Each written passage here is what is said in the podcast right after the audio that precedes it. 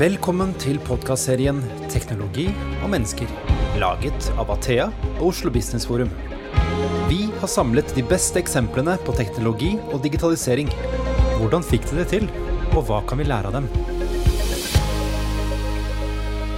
Da er vi faktisk tilbake med en ekstraepisode i podkasten 'Teknologi og mennesker'. Mitt navn er Christian Brostad. Det er én ting eh, vi kan være enige om, og det er at det er ikke lett å spå om eh, fremtiden. Vi kan tro, mene, stille spørsmål, diskutere og dykke ned i tall og fakta, og se på utviklingstrekk osv. Og deretter kan vi gjøre, opp, eh, gjøre, oss opp en mening om hva vi tror kommer til å skje fremover. Det er to trendrapporter som det er ekstra forventninger til hvert år, og som det ligger mye data og innsikt bak. Vi snakker selvfølgelig om Fjord Trends og Amy Webbs Tech Trends Report. Og nå er rapportene her, og vi skal faktisk plukke ut de eh, fineste godbitene fra disse to eh, rapportene.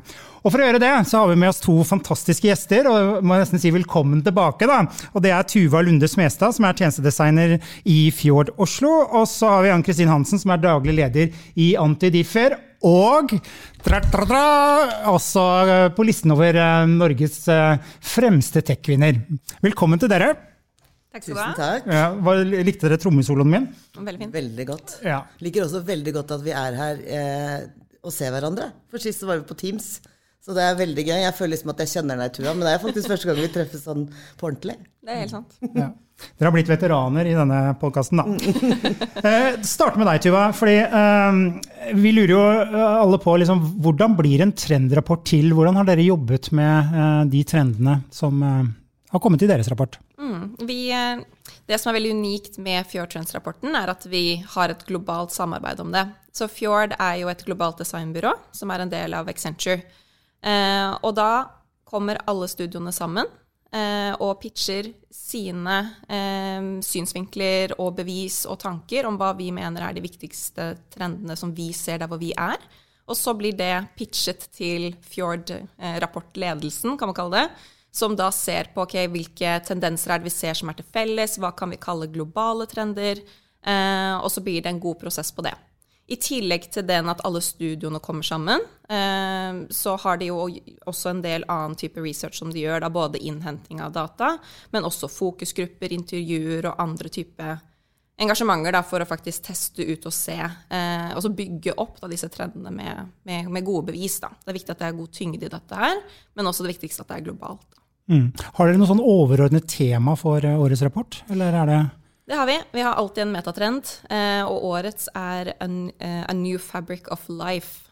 Så de er jo litt sånn store og ja, visjonære, kan man kalle det. Men jeg skal si litt sånn hva er den røde tråden mellom det vi ser. I fjor, i rapporten fra 2021, så snakket vi om 'mapping out a new territory'. Og da snakket vi om hvilke mulighetsrom er det vi nå får etter den, eh, de to årene vi nå har vært igjennom? Hva mulig, hva kan vi gjøre? Da var det Mapping out new territory, territory handlet om at vi nå hadde muligheten til å kunne bestemme veien vi skulle gå. Fordi det er så mye som hadde endret seg, både hvordan vi tenker, hvordan vi Atferden vår. Eh, så, så vi så et mulighetsrom. Og da med A New Fabric of Life så går det mer inn i nå som vi står her, eh, at vi kan Vi må tenke annerledes hvordan forholdene mellom mennesker, bedrifter, planeten, eh, og sy sammen egentlig nye forhold, relasjoner, eh, som blir tydeligere når vi kommer litt mer inn i de faktiske trendene. Da. Mm. Eh, Ann-Kristin, du har jo vært i Texas, på South by Southwest. Eh, og det er en sånn årlig sak. År var det jo veldig fysisk, så du var jo reist over. Og fikk med deg Amy Webb, for hun legger jo fram rapporten der mm. stort sett hvert år. da. Hva, hva, tenker du om årets eh, rapport fra Amy Webb? Jeg tenker at det, eh, at det er noen fellestrekk med det, med det, Tuve akkurat sa. Altså Når det gjelder dette med mennesker og hvordan, samhandling og hvordan de to-tre årene som akkurat har vært, har påvirket oss. Men, men og så er det jo Hennes rapport er jo helt enorm, som du vet. De, dette var 15. gangen den produseres. Det var 574 tech-trender, 668 sider og 14 rapporter. Så det er begrenset hva du liksom får med deg på en sånn time. Men hun dro fram liksom tre områder som hun, som hun, mente var veldig viktige, da, som hun snakket mer om. Mm. Så jeg tenkte det er de jeg fokuserer på i dag. Og det var da AI, som jeg skal si litt mer om. Og så er det dette med Metaverse og Web3. Eh, og syntetisk biologi. Eh, og en del av disse tingene syns jeg ikke er så tydelig i samtalen her i Norge enda. Eh, og så bærer jo også det veldig preg av at det er amerikansk laget. Eh, F.eks. dette med privacy er et kjempeissue. Der er, står det bedre til for oss som, mm. som, er her. Så det er en del av de tingene som kommer fram som kanskje må leses med litt andre øyne når man, eh, når man kommer fra Norge da, og leser de. Mm. Og så, så syns jeg en annen ting som hun gjør veldig spennende, litt sånn i forhold til hvordan man lager rapporten, er det at hun sier at trenden i seg selv er litt sånn, den er interessant, men bare så interessant. Det er liksom hvordan man setter den i sammenheng med andre. Eh, så hun kaller jo hele den nye rapporten så kaller hun den for reperception. Altså se ting på en annen måte.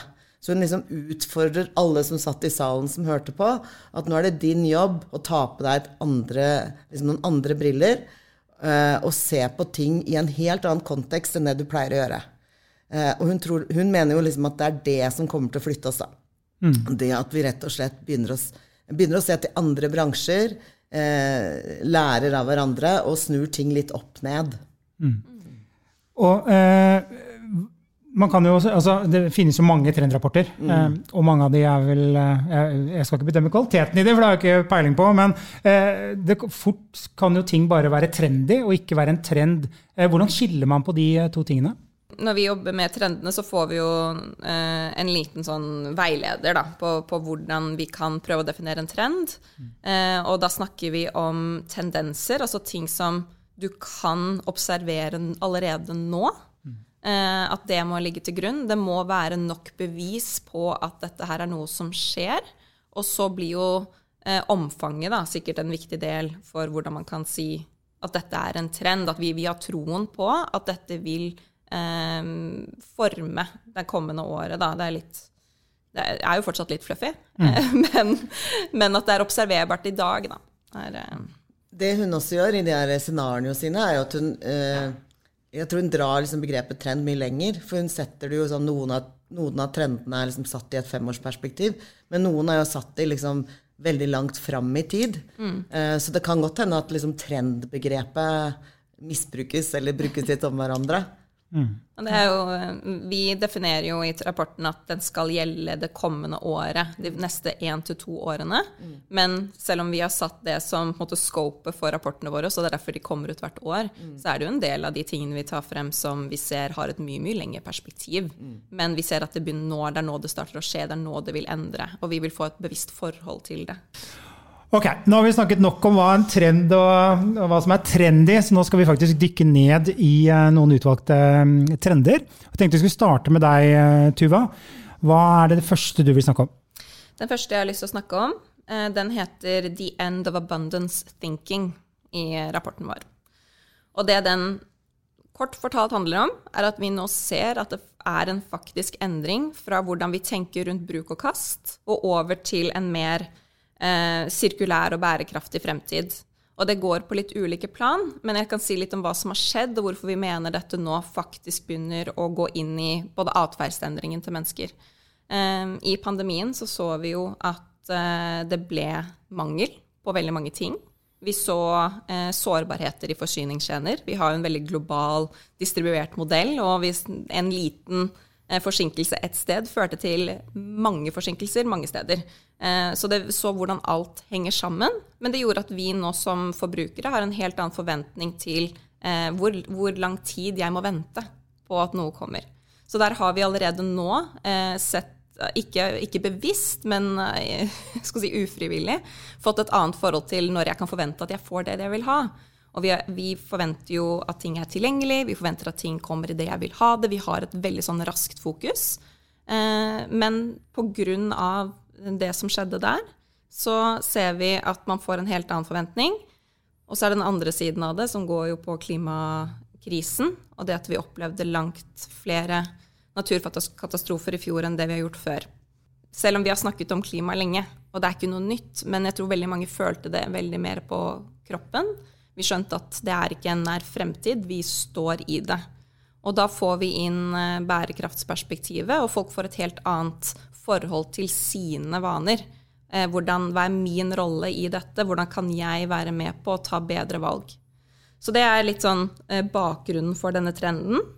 Fremover så ser vi at utfordringen her er at vi må faktisk begynne å tenke på hvordan kan jeg levere eh, varer som er av kvalitet, som varer lenge, eh, ikke lager ting som eh, skaper et behov, men faktisk møter de behovene som folk allerede har. Og det blir jo et kjempestort skifte. Så her ser vi jo en veldig interessant eh, mulighetsrom, men også en veldig stor utfordring. Fordi det går jo helt tilbake på hvordan vi tenker i dag med vekst og eh, tilgjengelighet og den biten. Og en interessant ting som vi kan ta frem, eh, som også ligger i denne trenden, det er noen sånne nøkkelord som eh, de tar frem, og det er sånn at less doesn't mean loss. Eh, og så er det den siste delen at vi må tenke på at innovasjon ikke er alltid assosiert med nytt. At vi faktisk går inn og ser hva er det vi har, og hvordan kan vi innovere med det som allerede er, og ikke alltid tenke at vi må finne på noe nytt hele tiden, da. Så det er sånn den første trenden, da. Jeg, synes, jeg kom på et eksempel som, hun, som Amy brukte i forhold til dette med sånn reperception. Uh, og det er nettopp det derre hvordan fortelle historiene for at folk skal forstå hvor alvorlig det er. Og da tok hun fram det at uh, vi er midt i en klimakrise. Uh, hvis, hvis, det blir to, to, grader varmere, altså våre grader varmere, så får det enorme konsekvenser. Men så sier hun det at det er, i USA så er det jo ingen som vet hva to celsius er. Mm. Sånn at det er et sånn derre det er noe, ja, så, Og det hjelper ikke så veldig mye å si to, to Fahrenheit eller det det representerer, da, fordi at man har ikke noe forhold til det. Så hva man heller liksom gjør det Lager en, lager en værvarsling som sier at eh, dagens, dagens, vær er fare for firestorms, og at man bruker de bildene som er eh, det som kan være konsekvensene av klimakrisen. Da. Mm. Eh, og det handler jo om det der å, å stille seg eh, og angripe problemstilling på en litt eh, annen måte. Så, så, det er sånn interessant, da, syns jeg. Og så kjenner jeg akkurat når det gjelder den der tilgang på varer, så har jeg jo kjent veldig det selv. For det er noe med at vi har vært hjemme og skal bygge terrasser og kjøpe nye biler og sånn. Det har ikke vært noe særlig lett, det, altså. Det har vært, jeg måtte liksom vente i all evighet. Så jeg mm. tror, uh, jeg tror det er noe vi bare skal venne oss til, og som er sikkert bra for oss. Og så er det jo et lite kan man si, paradoks i det også, fordi vi ser jo en del eh, ting som har jo eksplodert f.eks. under pandemien, med hjemlevering f.eks. Mm. Som har blitt mye mye mer tilgjengelig for alle. Det er mange flere som har tatt det i bruk. Mm. Og da har vi også skapt en forventning. Jeg kjenner jo det hvis jeg må vente fem dager på å få den pakken på, på døra, så syns jeg det er utrolig lenge å vente. Helt enig. så da har man liksom at man ser uh, igjen da, at uh, selv om vi får et mer bevisst forhold til det, så tror jeg at eh, her er det nok noen ting som kommer til å skje fremover, som gjør at du blir tvunget til å uansett ha dette perspektivet. Da, som, som, et selskap, som noen som leverer tjenester. Eh, så har man muligheten nå, da, fordi vi har begynt å allerede kommunisere at eh, ting tar litt ting kan ta lengre tid, det er mangel på ting, eh, du må vente litt lenger. At vi har begynt å bygge inn den forventningsstyringen allerede.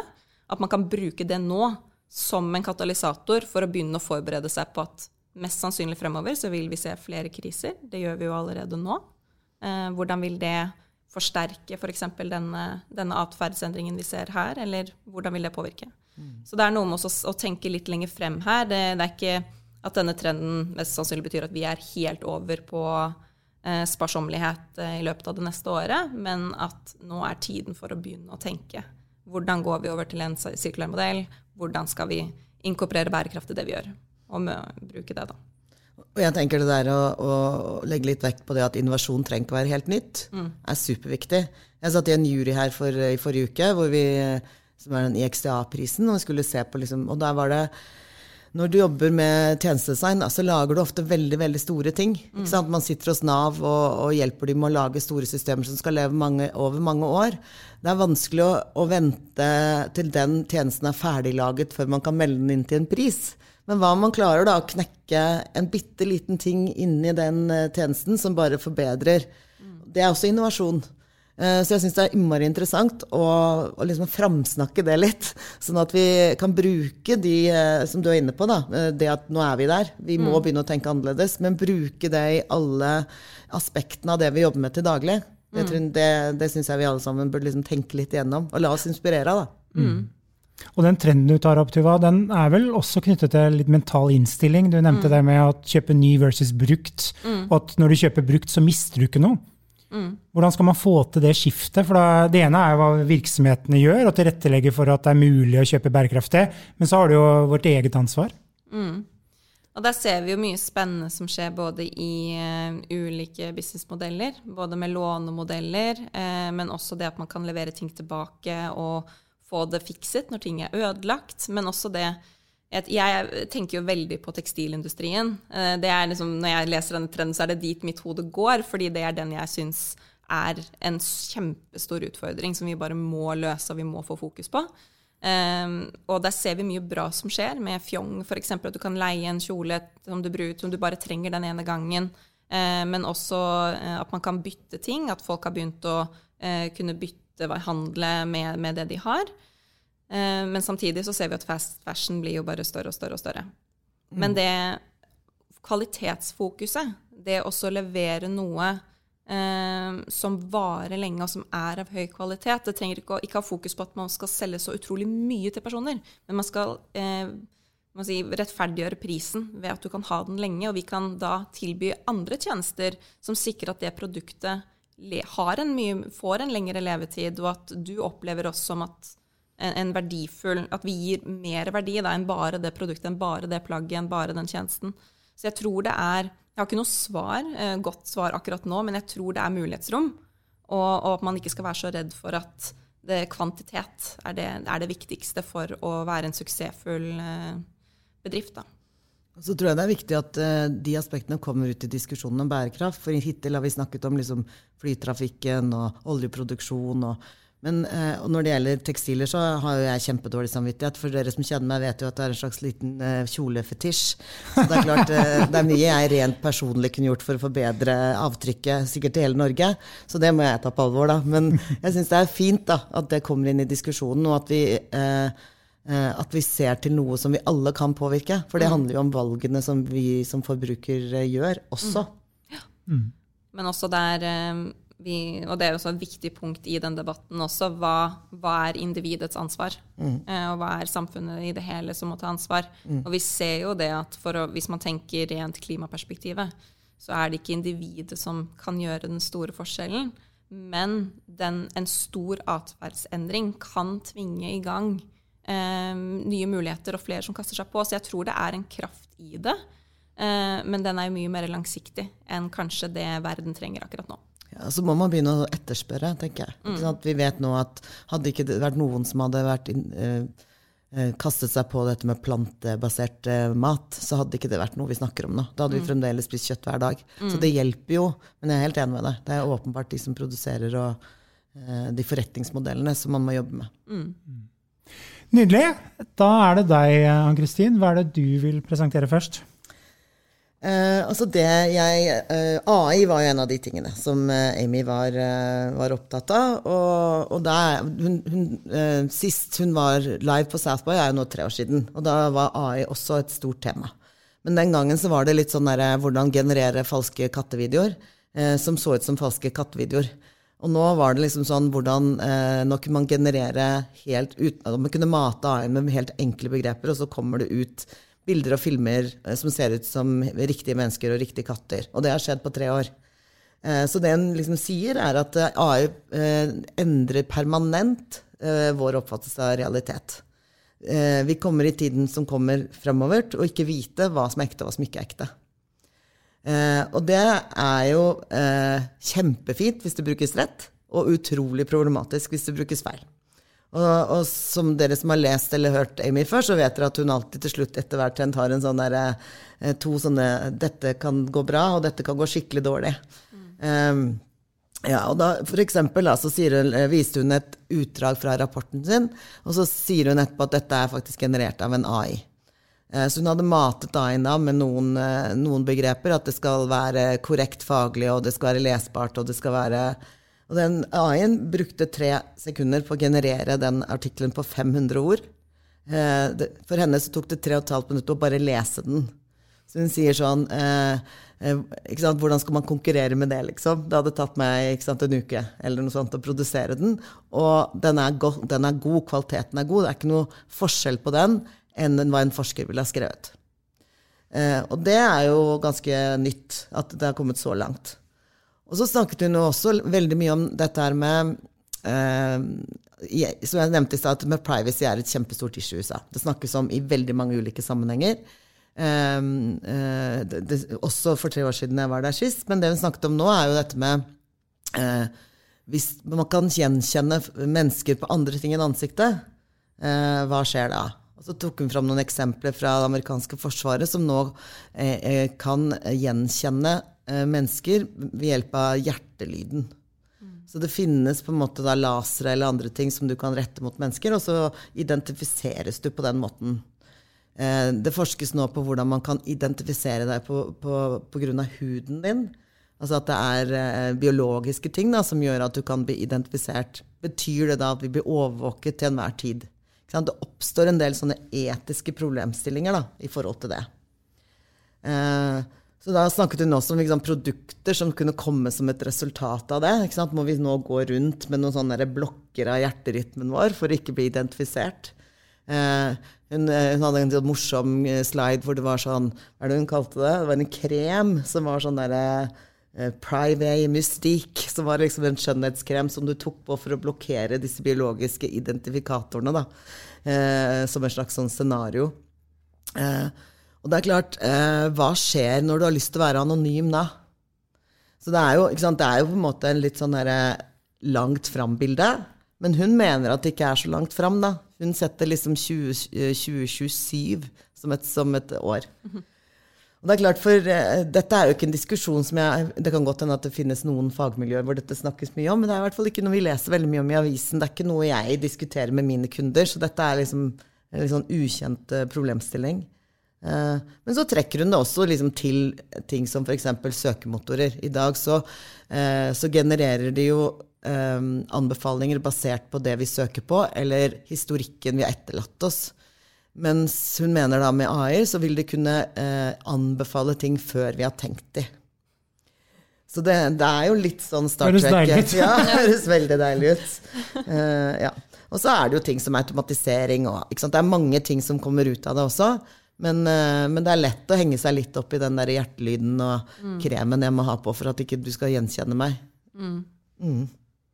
Der er det jo den, eh, vi er jo veldig flinke til å tenke på worst case. Hva, hvordan kan dette misbrukes? Mm. Istedenfor å tenke først hva er mulighetene, hvilken verdi kan dette skape? Er det noen store problemer dette vil løse? Mm. Og så tenke da hva, hvordan er det eh, vektet opp mot de potensielle skadene det kan gjøre? Mm. Så det har vært interessant å, å kunne eh, flytte kanskje det litt mer inn i debatten, at man starter litt mer liksom, med dette er den store verdien. Um, og kanskje ha det fokus på hvordan kan vi bygge inn da, den sikkerheten. Mm. At man ivaretar dette personvernet. Hvordan kan vi forhindre at dette misbrukes i stor grad allerede fra starten. Men det er jo utrolig Og kanskje nettopp ved, ved, å, ved, å, fokusere på det sensjonelle Sensasjonelle. Takk. Eh, så får man kanskje gjennom den loven man trenger å få. For det er jo mm. det som er et av de store problemstillingene akkurat nå, eller har vært det lenge, er jo at eh, dataene i USA eies av ingen og alle. Mm. Eh, og, og, det blir jo sant, Etter hvert som data eh, Alt vi gjør, blir på en måte eh, lagret et sted, så blir problemstillingen ikke noe mindre, den blir større. Mm. Og når man drar inn enda flere ting Så jeg tror liksom det kan jo være at man også maler det i det perspektivet for å få opp den diskusjonen en gang til. Mm. Mm. Det er det. Så teknologien er jo ikke dårlig i seg selv, da. Det er jo hvordan den anvendes. Ja høres ut som. Men uh, hva, hva, tenker dere om, for det du egentlig beskriver nå, er jo at uh, kunstig intelligens egentlig kan ta beslutninger på vegne av oss sjøl. Mm. Er det en bra utvikling? Eh, altså, Amy Webb sier definitivt at de kan det. for det er ikke sånn, nå forstår de ikke, eh, Tidligere så har de på en måte forstått ordene, men nå forstår de også meningen av ordene. Eh, og jeg tenker at i enkelte situasjoner så er det en bra utvikling. I forhold til automatisering, i forhold til eh, eh, at man kan hjelpe folk som trenger eh, bistand på en helt annen måte. Altså det, det, er masse, masse utvikling som jeg tror er positivt. Men det er også, det er også noe å tenke på. Fordi at uh, Vi har alle sett de der science fiction-filmene hvor robotene tar over. Og det er klart, jeg tror vi alle sammen uh, blir et lite øyeblikk sånn Oi, det er skummelt. Men jeg tror, akkurat som Tuva sier, hvis du trekker det ned og tenker ok, men hva, hva kan vi lage positivt med den utviklingen, og fokusere på det først, så tror jeg det er et utrolig mulighetsrom. Mm. Nydelig. Dette kunne vi jo snakket lenge om, for det er et ganske spennende tema. Mm. Eh, og har masse komplikasjoner. Mm. Tuva, hva er det du drar opp av skuffen? Nummer to? Ja, jeg tenker jo eh, Vi kunne snakket litt om tillit, som er den neste trenden, som vi har kalt 'This much is true'. Og det er en det er en trend som, som trekker på både store og, og, små tendenser som vi ser veldig knyttet til tillit. Men vinklingen på dette er at vi nå ser at vi stiller langt flere spørsmål enn noensinne har gjort. Før i tiden, hvis man hadde en eh, krangel i sofaen hjemme, så var det ikke så mange måter vi kunne få svar på hvem som hadde rett. Mens nå så går vi rett til Google, og så spør vi Google hvem, er, hvem av oss har rett. Og så får man det svaret med en gang. Så vi, vi er blitt vant til å stille spørsmål mye oftere, i en mye større grad enn før, fordi vi har tilgangen på informasjon. Um, og så samtidig har vi det andre perspektivet, som er ja, vi har tilgang på all informasjon eh, mye mer enn noensinne. Det er kjempetilgjengelig for veldig mange. Men hvorfor har vi da de problemene som vi ser i dag? Vi ser at demokrati eh, går ned i store deler av verden. Vi eh, stoler ikke på den informasjonen vi får, som er liksom veldig essensen av denne. Jeg tenker jo konspirasjonsteorier og de store, at vi ikke stoler på de store institusjonene lenger. Vi stiller spørsmål til altså det etablerte, vitenskapen, men også politikerne våre og styringsmaktene og diverse. Da. Og så tar man den tendensen til et litt annet plan, som går mer på vår hverdag og de mindre interaksjonene, f.eks. i en kjøpssituasjon. Det er jo sånn at Vi snakker mye her om produkter og tjenester. og vi eh, Jeg vet jeg hadde en case for en liten stund siden hvor jeg skulle kjøpe en ny krem. Og så hadde jeg fått en anbefaling, ikke av et produkt, men den måtte inneholde disse tre ingrediensene. Og så var det opp til meg å finne da en krem som hadde alle disse tre ingrediensene. Og den prosessen Det høres jo veldig eh, trivialt ut, da, men, men, det er kjempevanskelig å i det havet av informasjon å ta et godt valg. Fordi vi har blitt vant til å bli lurt. Vi er blitt vant til at eh, den, de produktene vi kjøper, ikke holder det de lover. Vi er vant til at på veien til å finne produktet, så er det mange som kjemper om din oppmerksomhet, som vil selge deg ABC. Eh, vi er også blitt vant til at de sidene vi bruker for å kjøpe produkter, ikke nødvendigvis er pålitelige. Og så er det skjulte kostnader, eller det er en tollavgift som de ikke visste om, eller at det er rett og slett en, en, en falsk side som stjeler informasjonen din. Så vi er, vi er veldig på vakt hele tiden. Um, så når vi nå stiller alle disse spørsmålene, så tviler vi i mye, mye større grad på de svarene vi får. Og hvor går vi da, når vi skal ha, få ha svar som vi stoler på den tilliten? Og da ser vi nå at det er bekjente. Eh, man går til eh, forumer, eh, sosiale medier, eh, YouTube og TikTok, influensere som gir anbefalinger, investeringstips. Der er det masse forumer overalt hvor folk går inn i lukkede grupper og deler informasjon. Og hvis jeg er en, en bank, så tenker jeg men hvorfor kommer dere ikke til meg? Det er jo vi som er ekspertene. Det er jo vi som kan gi de beste investeringstipsene. Så hvorfor kommer de ikke hit? Um, som, som, et eksempel. Og det er her da denne tilliten har blitt brutt. Og her har vi jo en, en, transaksjon mellom en kjøper og en selger, hvor jeg som kjøper stoler ikke på informasjonen jeg får, fordi jeg vet at du har et motiv og et mål, og det er å selge meg noe. Og derfor så stoler ikke jeg på deg. Jeg stoler ikke på den informasjonen jeg får. Hvordan, så utfordringen her er hvordan kan vi gå frem og løse den utfordringen? Hvordan kan vi bygge opp denne tilliten igjen? Og det er jo noen forslag her eh, som, som eh, vi trekker på. Og det er jo rett og slett å tenke nytt om hvordan vi tilgjengeliggjør den informasjonen. Hvordan skal vi svare på spørsmålene brukerne har idet de har det? I den lange kjøpsbeslutningen fra jeg eh, begynner å lete, og til jeg faktisk ender opp med, med, å gjøre det.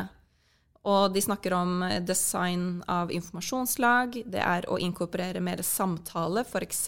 conversational AI. Hvordan kan vi tenke helt nytt i, i den interaksjonen mellom eh, oss og forbrukerne våre?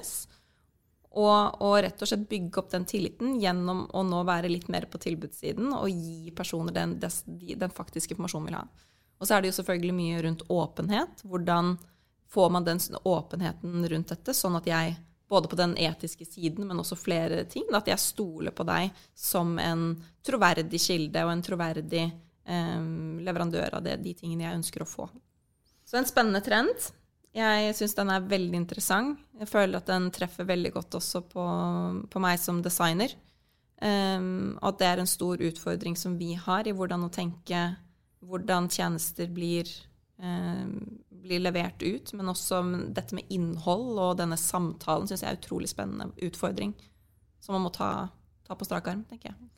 Ja, og, på South by så var det jo veldig fokus igjen på dette med lyd, f.eks. Mm. Hvordan det kommer til å bli en utrolig mange mener viktigere enn mye av det andre. At det er noe med intimiteten lyd mm. skaper, som gjør at det blir en nærhet som du ikke får til helt med, med bilde og, og, film og sånn. Det passer jo bra for oss som sitter her med, i en podkast.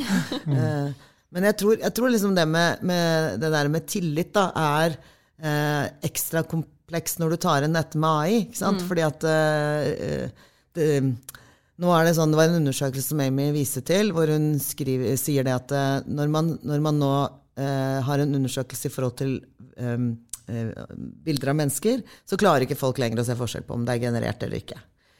Og når de da spør hvem, hvem, mest, hvem har du mest tillit til, så er det AI-ene. Det, det, er ikke de ordentlige menneskeansiktene. Mm. Um, og det er jo fordi at de, de, gjør jo det vi ber dem om. Ikke sant? De skaper slik uh, vi mater dem med. da. Og det er klart, i den der fake news-verden hvor, uh, hvor, man ikke stoler på produsenter, eller man stoler ikke på nyheter, eller, ikke så er det en del problemstillinger der som, som, vi etisk er nødt til å forholde oss til og se hvordan vi kan løse. Og jeg er også helt enig med deg, det er en kjempekul utfordring. Mm. Men det er en vanskelig utfordring. Det er det. Mm. Nydelig. Eh, da går vi videre. Da er det vel deg Jan Kristin? Det er meg, ja. altså, kan nesten ikke komme unna uten å snakke om Metaverse og Web 3.0. Eh, det eneste som eh, Altså, jeg, jeg, tror man kunne gått på liksom fire-fem foredrag hver dag om de temaene i år. Det var definitivt en av de store tingene som man snakket om. Eh, men jeg tenkte kanskje jeg skulle prøve å liksom der, Når jeg kom dit, så var det sånn ja, jeg hadde hørt litt om Metaverse, men jeg visste ikke så veldig mye om det. Uh, Web 3.0 hadde jeg også hørt sånn bitte lite grann om, og jeg tenker at jeg jobber jo med disse problemstillingene. Men, men det er liksom beste definisjonen jeg har funnet da, på dette med Metaverse, er jo at det er en slags paraply. Uh, uh, paraplybetegnelse for, tek, teknologi, for teknologier som bygger broer mellom det fysiske og det digitale. Man kan ofte, Hvis man tenker litt sånn For dere som har barn, så vet dere at uh, barna deres sitter og spiller inn i Fortnite og andre spill. Og der har de liksom avatarer og egne liv og venner som de aldri har truffet fysisk. De, liksom, de har på en måte skolegården, og så har de det som fungerer. Det er et slags metaverse. Og tanken er jo at det også kommer til å ha en stor betydning for utover spill. Web 3.0, hvis vi skal gjøre det veldig sånn enkelt, Web 1 det var egentlig ren informasjon. Da fantes det nettsider hvor vi kunne hente ut ting. Web 2, da kom det sosiale internettet, så da ble det på en måte en samhandling. Men fremdeles så hadde vi ikke noe eierskap. altså Det var fremdeles de store tech-firmaene som eide alt. Web 3, da sier det er en ny distribu distribuert modell som sier at du eh, eier på en måte både dataene dine og, og, det du skaper, fordi at man nå tar i bruk eh, det som de kaller for digitalt ID. Og da kan du på en måte selge dine egne tjenester knyttet til din person i Web 3.0. Så det er liksom veldig sånn enkelt forklart, da. Når det gjelder disse to tingene, så er det jo de som er veldig pro, og de som ikke er det i det hele tatt. Altså Jeg hørte eh, en fyr som het Skal vi se, jeg noterte det her, for syns han er veldig festlig, så dere burde se på den. som heter Scott Galloway, som er professor på NYU, tror jeg det er. Og han var sånn derre hvis hvis, Vi kan godt late som det er liksom Web 3.0, men jeg ville kalt det 2.0.0.0.0.1, kanskje. Ikke sant? uh, mens andre er, tror liksom at nå er det et stort skifte. Um, ja. Men, uh, men, men, det, men, det, får noen konsekvenser, da. For hvis dette metaverset blir det, da, som mange tror det blir, så betyr det jo at eh, livene våre kommer til å foregå i, i en digital kontekst og en fysisk kontekst. Hvis man får til dette med sånn digital signatur, som gjør at man kan eh, sømløst gå mellom de ulike eh, produktene som finnes på nettet, som til dels har i Norge. da, Vi har bank i det, så det, mye av det de snakker om, var liksom, men er ikke det det samme som bank-ID? Så er det sikkert noe som skiller det, men det ligner veldig. Mm. Uh, hun brukte sånn eksempel fra Canada, hvor de største bankene i Canada hadde gått i og lagd tenkte jeg, det tror jeg, det er, det. jeg tror det er det samme. Men hvis man i hvert fall da sånn sømløst da, kan flyte gjennom, og på en måte uh, at dataene følger deg rundt, det er ikke sånne uh, små bobler som det er i spillverdenen nå, så, så, kan det potensielt ha mye å si. Også i forhold til, til, til forretningslivet, da. Mm. Og dette med, som du var inne på, med salg og kjøp av tjenester og produkter og sånn. Eh, nå f.eks. så kan man jo da si at eh, når du da er inne i et, et, et av disse metaversene, så med din avatar, så kan du kjøpe, gå inn i Nike sin butikk der inne og kjøpe et par digitale eh, sneakers. Og så kan du samtidig få sendt et fysisk par hjem. Så det er en litt sånn annen måte eh, å tenke på. I dag eh, på jobben så fikk jeg et eh, nyhetsbrev hvor det sto 'Marketing in the Metaverse'. Så tenkte jeg ja, ja, der er vi. Så det er jo åpenbart liksom Det er i gang. Eh, eh, Paris Fashion Week hadde jo liksom et metaverse i tillegg til det fysiske. Eh, men, men for de som er skeptikerne, da, mener fremdeles at det mest handler om spill, og at det mest handler om å være hipp og kul. Men det hun, det hun uh, sier, da, er at hun sier at det er ikke så farlig med de der, at de der yachtene og bildene og alt det som selges og skapes, men det som er viktig, er strukturene det skaper. Så hun mener at det vi driver nå eh, liksom, tuller med, i seg selv er ikke det, det kommer til å forsvinne, men det kommer til å skape noen helt nye strukturer og forretningsmodeller som kommer til å påvirke hvordan vi samhandler fremover. Da. Og det er vel det som gjør at det er en trend, og at det ikke bare er en dings, liksom. Mm. Vi har jo også en metavers-trend i Fjordtrends-rapporten i år. Mm. Kommer jo ikke unna det. Nei, det tror jeg ikke man gjør. um, og, og, vi eh, diskuterer jo en del av de tingene. Um, og litt sånn oppsummerende fra, fra vår trendrapport rundt metaverset, så er det at vi nå er fortsatt tidlige dager. Det er fortsatt en nisje. Mm. Eh, det begynner å komme seg ut av de gamingrøttene. Um, men at det er verdt nå å vurdere mulighetsrommet. Det, hvilket verdiskapingspotensial finnes der for min bedrift? Um, og der sier vi også litt om ting som vi kanskje burde prøve å unngå. Vet Mark Curtis, som er head of innovation hos oss, som har vært en av forfatterne av trendrapporten, og han tok jo bl.a. frem det at spesielt merkevarer, er jo veldig selvopptatte. Merkevarer tenker på seg selv som, som, noe mye større i menneskers liv enn det de faktisk er. Og en stor feil man kan gjøre i metaverset, det er å gjøre det bare om dem selv. Her må man tenke og Man må få den der lenken med at um, metaverset er et sted du drar. Det er en annen en verden som du kan eie ting i, som du kan leve i, hvor du kan interagere med mennesker. Ehm, at det er noe mer da, enn en i spill, hvor du har en mer Du interagerer med, med, verden og andre mennesker, men vi har ennå ikke tatt det helt til at det liksom blir en et helt nytt sted. Da. Det er den place-faktoren som er veldig unik og spennende å, å, utforske. Jeg tror det er derfor det er så vanskelig å forstå. Ja. Fordi at det, eh, det, føles fremdeles som et slags spill. Mm. Når de viser eksempler fra sånn, ja, istedenfor Teams, så kan du gå inn i Metaverse, så kan du sitte liksom i, rundt et bord sånn digitalt, og så tenker jeg hvorfor skal jeg gidde å gjøre det? Mm. Og det er jeg helt sikker for at jeg ikke ser mulighetene ennå. Fordi mm. jeg, eh, jeg klarer helt fint å, og med telefon og en skjerm så klarer jeg helt fint å liksom eh, gjennomføre de oppgavene jeg har. da. Mm. Men jeg er helt enig, det ligger sikkert masse der. Og så tror jeg de generasjonene som kommer bak oss, som er vokst opp i en helt annen verden når det gjelder digitalisering, kommer til å se noen muligheter som ikke vi ser. Mm. Eh, og så tror jeg de tingene som det med ikke sant, eh, lyd, lukt, eh, mer sånn humanity, da, eh, kan tas inn i tjeneste på en helt annen måte. Men fremdeles så må du liksom sitte der med de der Oculus-brillene på. Mm. Og det er jo liksom, da tenker jeg Ja ja. Da tar jeg heller bare og ringer, jeg. Eller møter dem nede i byen, liksom. Akkurat det. Og vi, vi tar også frem det at det er jo, det er jo en stor hinder, denne Ja. hjelmen du har på. Ja. Eh, og det er jo mest sannsynlig, da kan vi jo gjette oss til en av de tingene som veldig mange store eh, aktører nå jobber med. Hvordan kan vi overkomme den hindringen? Helt enig. Og, og det er også en annen parallell som vi drar, f.eks. Hva, hva iPhone gjorde med hvordan vi tenkte rundt eh, hvordan vi interagerte, både internett, men andre ting. Og det vi egentlig kan tenke hva som er viktig med VTVs akkurat nå, er at tenk at det er ikke utenkelig at om veldig, veldig kort tid, i de neste tre til fem årene, at det kommer en lignende revolusjon som gjør at dette blir adoptert og over i massemarkedet veldig, veldig kjapt. Og da, det man må bruke tiden på nå, er har vi nå en mulighet der som vi burde gripe idet det skjer, og være klar for å kunne være en, en tidlig ute. Eh, men jeg vil også ta opp uh, vi, Det er jo fire ting da, som vi diskuterer rundt metaverset, og det er det vi kaller for place, people, purpose og product. Uh, og vi har jo snakket litt om place, at dette at du faktisk fysisk reiser et sted når du er i metaverset. Når vi er på, surfer på, på nett, så er vi fortsatt innenfor rammen av den fysiske verden vi er i nå. Vi reiser ikke et sted, selv om vi opplever noe som skal være et annet sted. Men det er en skjerm. Mens i metaverset så reiser du et annet sted.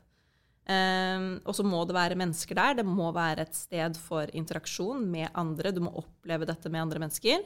Men jeg tror den viktigste er purpose. For hvis vi bare gjenskaper det vi allerede har i den fysiske verden, så tapper vi ikke inn i potensialet. Vi må tenke hva er, hvilk, altså, hva er verdien? Hva er, hva, er, eh, hva er det virkelig vi kan oppnå her som ikke vi får til andre steder? Um, Det er litt sånn den gode, gamle kanalstrategien, rett og slett. ja, ikke sant? Og så er det dette med product. Og der, eh, der trekker jo inn bl.a. blockchain og NFT-er. Altså dette med eierskap, men også en, en markedsplass.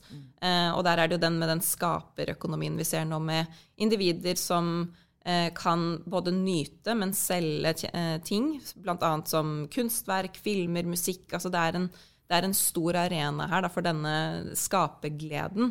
Og altså, Og eierskap, ikke minst, tenker jeg er det å kunne eie noe i det digitale. Det er kanskje sånn Hva skal jeg med det? Det kan vi jo tenke nå. Men på sikt, da.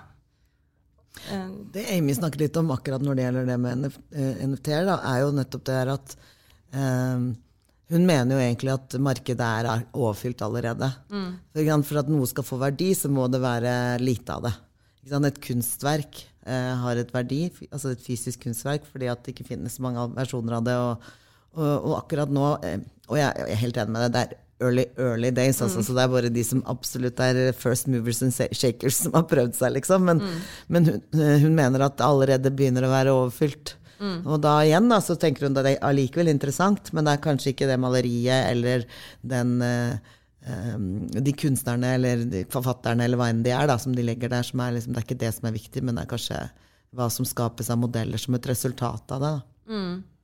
Så det gir en veldig fin mulighet til å se flere teknologier i sammenheng. Det er jo at Man må ikke tenke på metaverset bare som AR og VR, og den biten, men at man ser hva annet er det som nå tillater oss å skape noe helt nytt. Eh, tenke helt nytt om ting vi allerede har. Jeg vet ikke om jeg klarer å gjengi dette eksempelet så godt som jeg håper, men eh, Mark igjen tok frem et, et eksempel med, at, eh, med dette med digitale tvillinger, som ikke er noe nytt. Det har vi snakket om lenge. Men hva er en digital tvilling når du også har et metavers, når du også har blockchain, når du har alle disse teknologiene som spiller på hverandre? For eksempel, han tar frem at, at du kan ha en digital tvilling av huset ditt, eh, som har kontroll på alle varer og tjenester som går inn og ut av dette huset. Eh, og det vil si at du har jo laget en liten tidskapsel hvor du kan reise tilbake i historikken til huset ditt og vite hva som skjedde når. Og det er en, en interessant tanke. At det gir en, en måte å interagere med en, med en historikk på. Eh, og med blokkjede i tillegg så vet vi at vi får den tryggheten i, i den, den historikken også.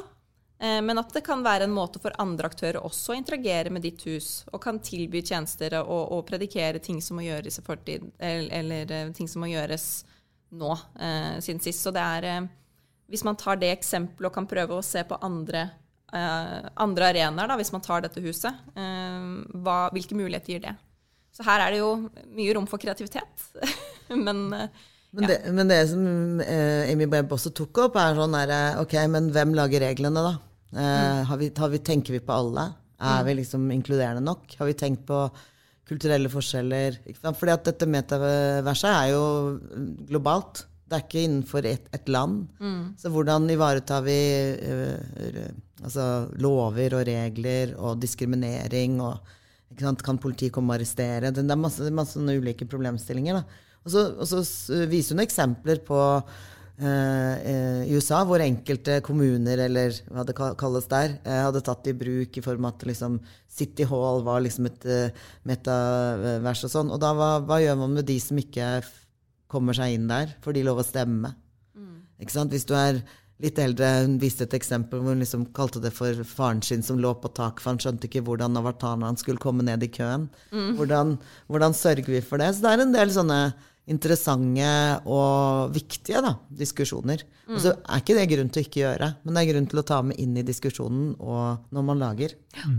Det det. Og læringen er kanskje at man må kaste seg litt inn i det, sånn at man får en erfaring da, ja, ja. som man kan ta med seg videre. Eh, vi nærmer oss slutten, så vi har jo én trend hver her. Jeg eh, tenkte, Tuva, hva er din siste?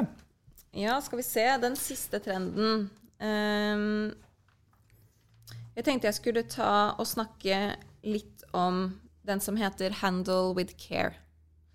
Uh, og så er det jo først å definere 'care' på norsk. Jeg tror det er veldig mange ord vi kan velge. Altså pleie, helse, velvære eller omsorg. Og jeg tror når vi snakker om 'handle with care' i denne trenden, så er det alle disse. Um, og det vi ser, er at det har vært et mye mer økende fokus på personlig velvære, personlig helse, um, i de siste årene. Både med pandemien, hvor vi alle jeg tenker det var et global følelse av at noe ikke var som det skulle være, og hvordan det påvirket oss. Eh, den siden at vi er mye mer tryggere enn før på å snakke om, eh, om, vår egen helse. Hvis det er mye mer åpenhet for å være mennesker. Altså vi, vi, vi, vi, kan fortelle kollegene våre når vi ikke har det bra, og det er ikke tabu å snakke om. Så det er jo mange av disse sidene som kommer sammen her. Eh, men for å gå litt sånn inn i hva akkurat denne trenden her ser på, så er det delingen, terskelen for å dele privat helsedata har blitt mye lavere eh, som et resultat av pandemien. Eh, vi kan ta koronapasset som et eksempel.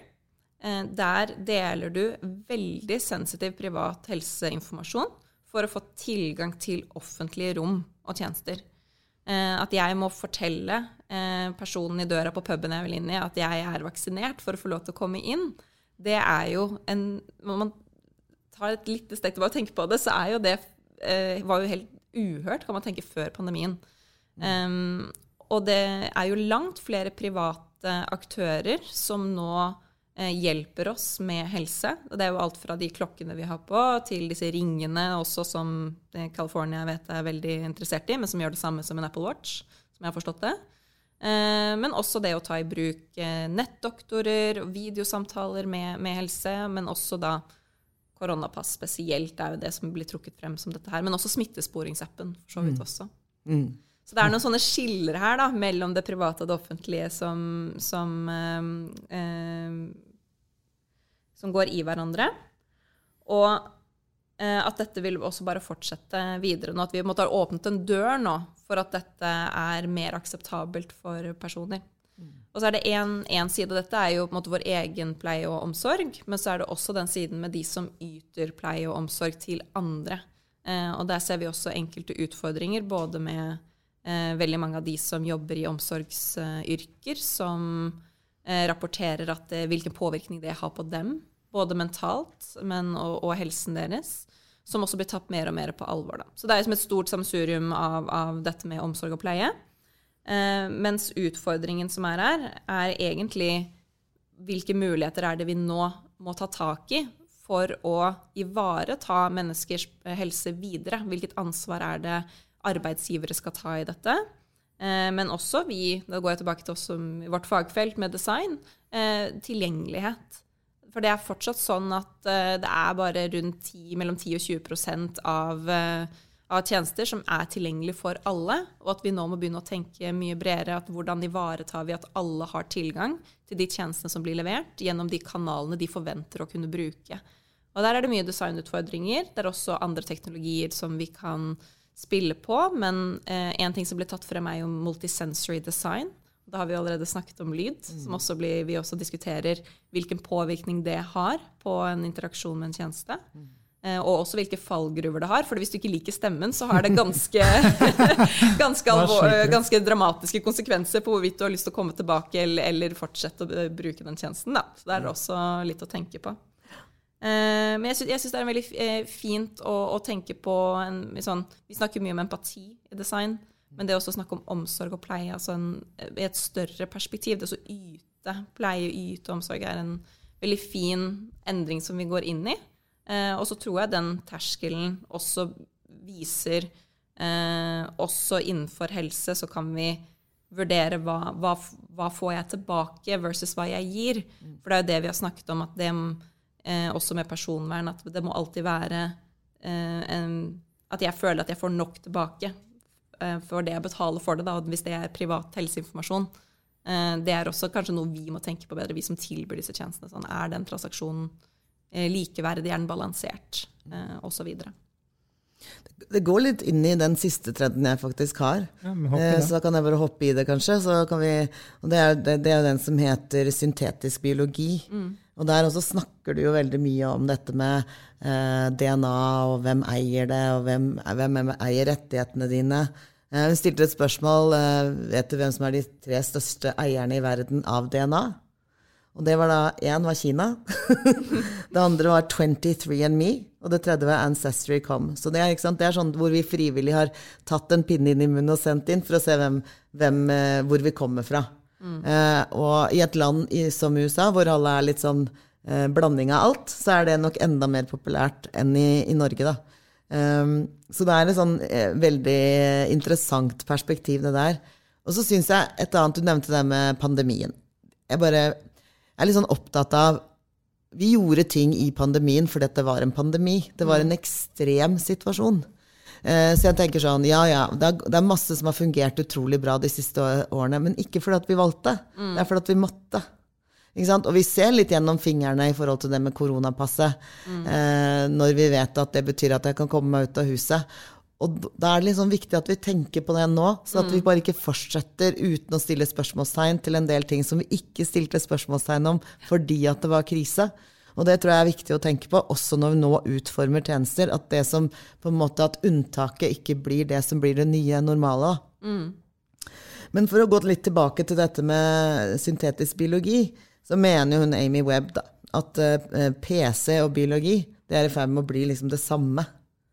Eh, vi kommer til å snakke om eh, dette som vi snakker om eh, AI i dag, om noen år, mener hun. og hun kaller det for 'hardware of wetware', som er et veldig sånn morsomt begrep og vanskelig begrep. Og, ja. Men, og, og, så sier hun også at alle de store tech-gigantene, altså Google, Microsoft, Facebook, alle jobber med dette her. Så det er åpenbart noe som kommer til å komme fram og være, være tydelig. Og da er det sånn at man kan, liksom, man kan programmere biologiske systemer på samme måte som man kan programmere en computer. Igjen så høres det jo litt sånn science fiction ut, spør du meg. Men, men, det er sånne ting som at man nå kan, man kan i løpet av kort tid printe DNA. Uh, hun tok fram et litt sånn gøyalt eksempel, da, uh, som var Superbowl i USA. Og da spiser alle kyllingvinger. Uh, og Hvis man ser på utviklingen av hvordan eh, høner da, har vært i størrelse de siste årene, eller mer enn de siste over lang tid, så var Nå husker jeg ikke hva hun sa vekten på en vanlig høne i USA var jeg for liksom 50 år siden, men det var sikkert sånne høner som vi har i Norge. Mm. og så har de fôra dem med alt mulig eh, veksthormoner og andre ting eh, som gjør at de nå er gigantiske. Eh, så, og så er det jo også noe med kvaliteten på kjøttet som kommer fra. Det er, jo også, det er mye rart i det her som sikkert ikke er så bra for oss. da. Og så er det da denne Superbowl hvor alle skal, da skal man liksom se på TV, man skal spise chicken wings. It's the thing, liksom. Og da går det altså 1,4 eh, billioner chicken wings på én dag i USA. Eh, det betyr at det er 725 millioner kyllinger som går med på én dag. Mm. Og da, ikke sant, I forhold til dette med veksthormoner, i, i, forhold til dette med plantebasert, i forhold til dette med sustainability, så sier hun nå kan man da ta DNA i en kylling og produsere det i en lab. Og kjøttet er like bra.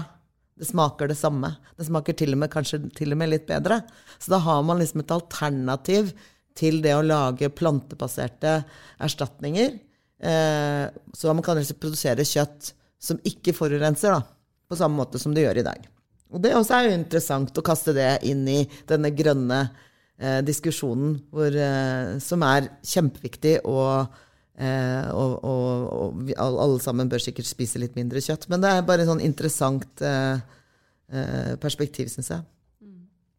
Så ja. Så det var det. Men eh, og Det blir fort et spørsmål på hva som er ekte, da. ja, det er nettopp det.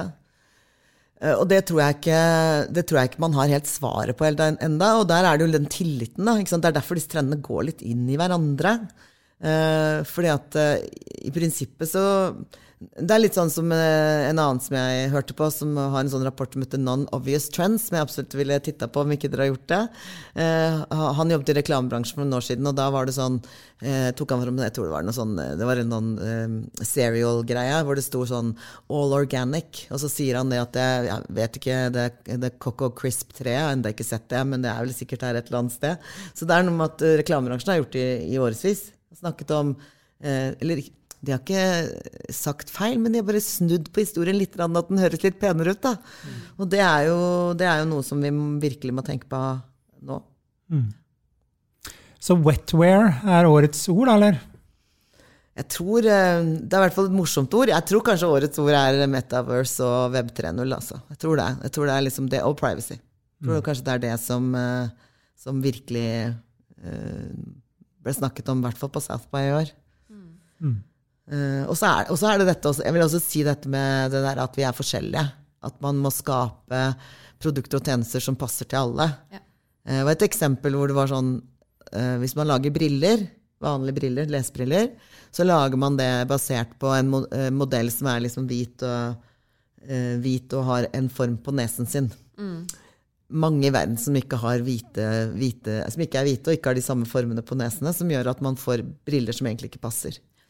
Eh, Så sant, å ta inn det der med det flerkulturelle i også utvikling av tjenester som eksisterer, ikke bare som sci-fi-ting, men liksom i, i, i hverdagen, har jo mye å si. Og det er jo sånne ting som man ofte ikke tenker på, fordi at uh, vi får jo de produktene som er tilpasset oss. Nydelig. Tuva og Kristin, tusen takk. Eh, og så legger vi ut lenker til rapportene, så det er mulig å dykke ned i de. For det er jo mange sider i disse rapportene, så man kan jo bruke en helg på det, da, hvis man ønsker det. Var til og med lenger, hvis du vil, tror jeg. Eh, Nydelig. Og så lover jeg at dette er den siste episoden i denne sesongen. Og så ses vi neste sesong. Men jeg har også et annet podkast-tips. Vi lanserer en ny podkast kommer på torsdag, som heter Før alarmen går, som handler om IT-sikkerhet. Tusen takk til dere, og tusen takk til deg som har lyttet på. Du har nå lyttet til Teknologi og mennesker, laget av Athea og Oslo Business Forum. Liker du podkasten, setter vi stor pris på om du gir oss noen stjerner. Og tips gjerne en venn om podkasten.